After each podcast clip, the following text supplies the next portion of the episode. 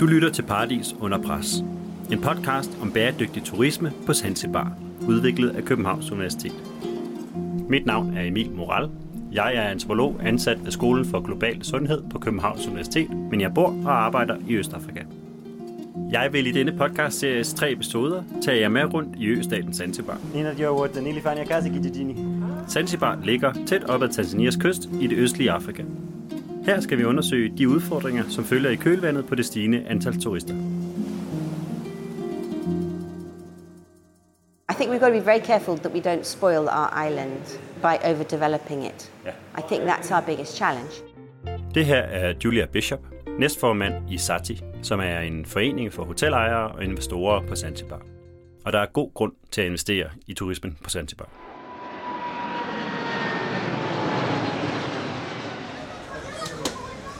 2019 forventes over en halv million turister at ankomme til øen. Og øen er altså kun halvt så stor som Fyn. Selvom Julia Bishop repræsenterer mange af de hoteller, der tjener penge på det stigende antal turister, så er hun bange for, at turistsektoren er ved at dræne øens ressourcer. I actually think that the way Zanzibar is developed and the, and the kind of infrastructure that we have here, that actually the larger hotels with a lot of air conditioning, with big lawns that need watering, with multiple swimming pools, um, with a lot of people that will come and need to have showers and use electricity and go out in boats uh, and snorkel on our, on our small reefs. I don't feel that's really appropriate. We are a small island, and all islands have got uh, a, a finite resource. And so, personally, I believe that um, the better kind of sustainable tourism in Zanzibar is a smaller product, sort of under 25 rooms, something like that.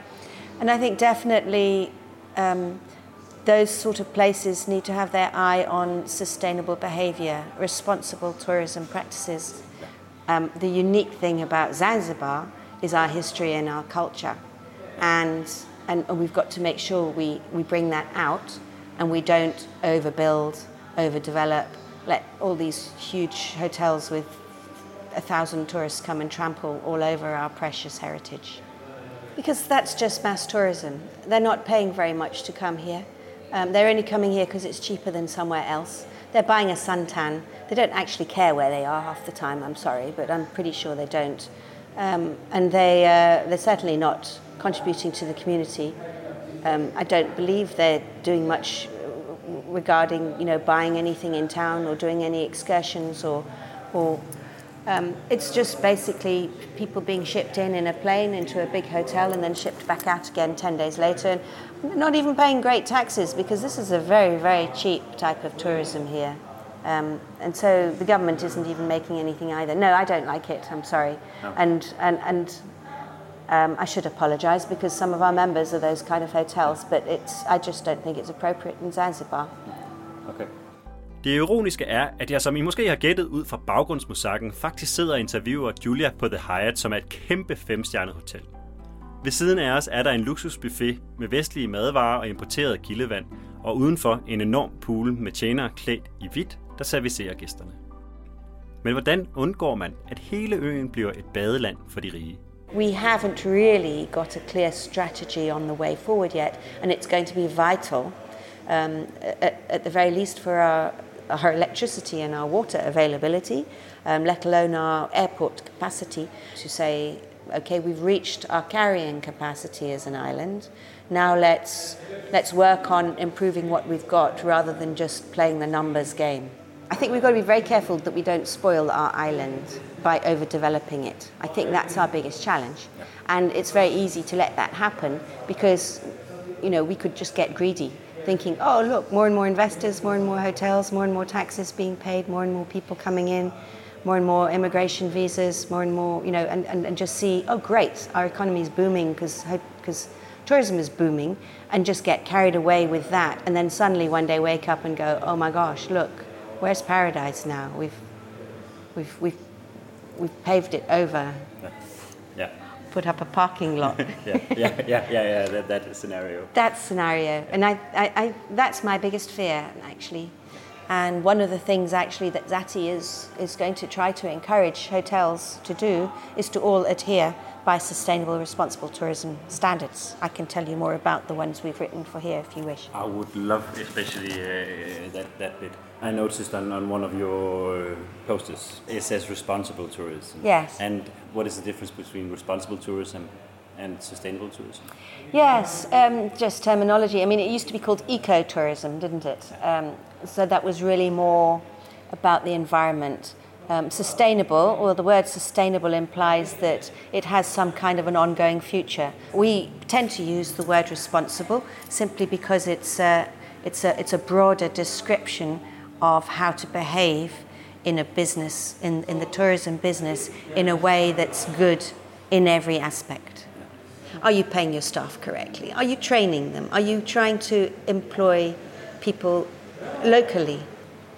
Because we could employ lots more Zanzibaris into the tourism industry if we had a better education system. And frankly, it's just not good enough. It doesn't provide the, the building blocks um, for, for uh, somebody to be able to work as an architect or as an accountant or as a lawyer. Um, and all of these jobs uh, involved in tourism. And there are some hotels who even bring people from the mainland because they speak English just to sweep the, the, the garden because in case they encounter a tourist and need to talk to them, which is completely, I, I think it's, it's so sad that there's so many wonderful Zanzibaris, very bright people here who could be taking part in this industry in a much bigger way, could be running hotels, could be in senior positions, but just aren't because the education system has let them down. Forskning viser, at Zanzibarianerne kun har 11% af lederjobs på restauranter, men ca. 80% af de ufaglærte jobs. Og det er ikke bare de gode jobs, som lokale går glip af. Kun 20% af de penge, som turismen indbringer, går til lokalsamfundene. Imens hele 53% forsvinder væk fra øen, altså over halvdelen. De penge de ender i hænderne på ejere i udlandet og udenlandske ansatte. Hello. Can I just take my shoes off here? Udenlandske ansatte, altså immigranter, kaldes populært for expats. Jeg bliver kaldt for expat, og ham vi nu skal møde er også sådan en expat. Thank you for taking time. Sorry, uh, all sorts of craziness today. Yeah, yeah. Nice Hello. to meet you, Hi. Ken. Nice to meet you. Jeg har lavet en aftale med Ken Scott fra NGO'en Welcome Ideas. NGO'en bekæmper lokalbefolkningens tab af penge og arbejdspladser, eller economic leakage, som det betegnes på engelsk. We want people to start their own businesses in the hospitality and tourism sector uh, because we really uh, identified an opportunity with economic leakage uh, through tourism in Zanzibar. It probably you've discovered that a lot of the, uh, a majority of the tourist businesses and operations are owned by expats. And so there's quite a bit of economic leakage. And it's not just the businesses that are owned by the expats, but a lot of the especially as you go into the upper level management, is uh, people either from mainland Tanzania or Kenya or other places in East Africa or e- even Europe.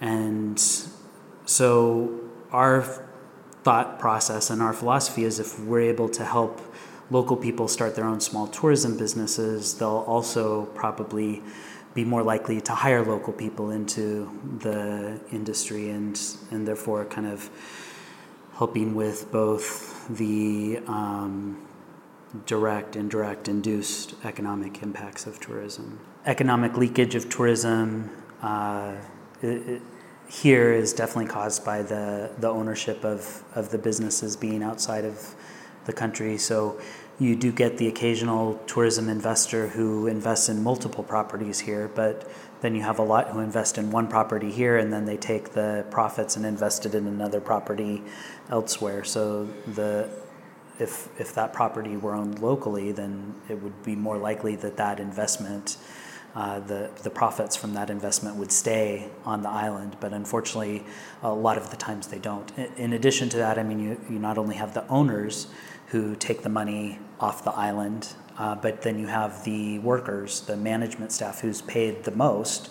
Uh, so that's the most direct economic impact from tourism. They don't spend a lot of their money here, maybe just like living expenses, but then they send a lot of that money back to their families, um, either on the mainland in Kenya or um, in, in Europe. That's kind of what we mean by economic leakage is that the, the money, instead of staying within Zanzibar, just kind of leaks out and goes to, to these other places. Jeg spurgte Zanzibars viceminister for uddannelse, Simai Said, hvordan det kan være, at de lokale har så få af lederstillingerne på øen.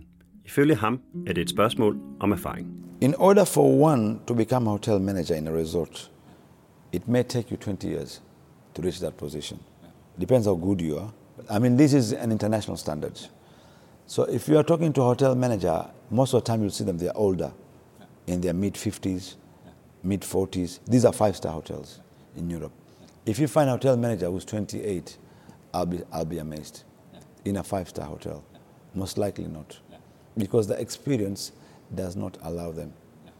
The manager has to have that experience because that's what they need how to manage the staff, how to manage the clients, how to manage with the technology, how to market the hotel, and to whom, and to, to also to make sure that the owners of the companies who owns the hotel are happy, especially the shareholders.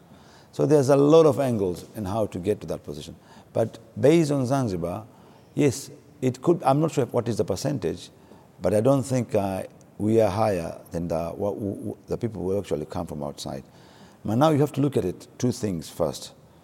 Uh, because those who are listening to us are people who are of young age, between the age of 15 and 20. So let me tell you one thing what, what is Zanzibar and the United Republic of Tanzania? Mm.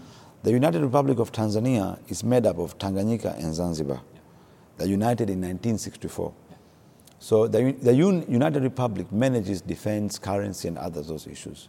Zanzibar manages its own other issues. So it's like semi-autonomous, which they're right. So it's like a, somehow a half federal and not federal. Okay? Now, when we started opening our doors in the late 80s to start opening up uh, tourism industry, to allow the private sector to come and start building hotels, we did not have a tourism college. So most of the villages and many people were caught up by surprise. The government was saying, guys, get on the business.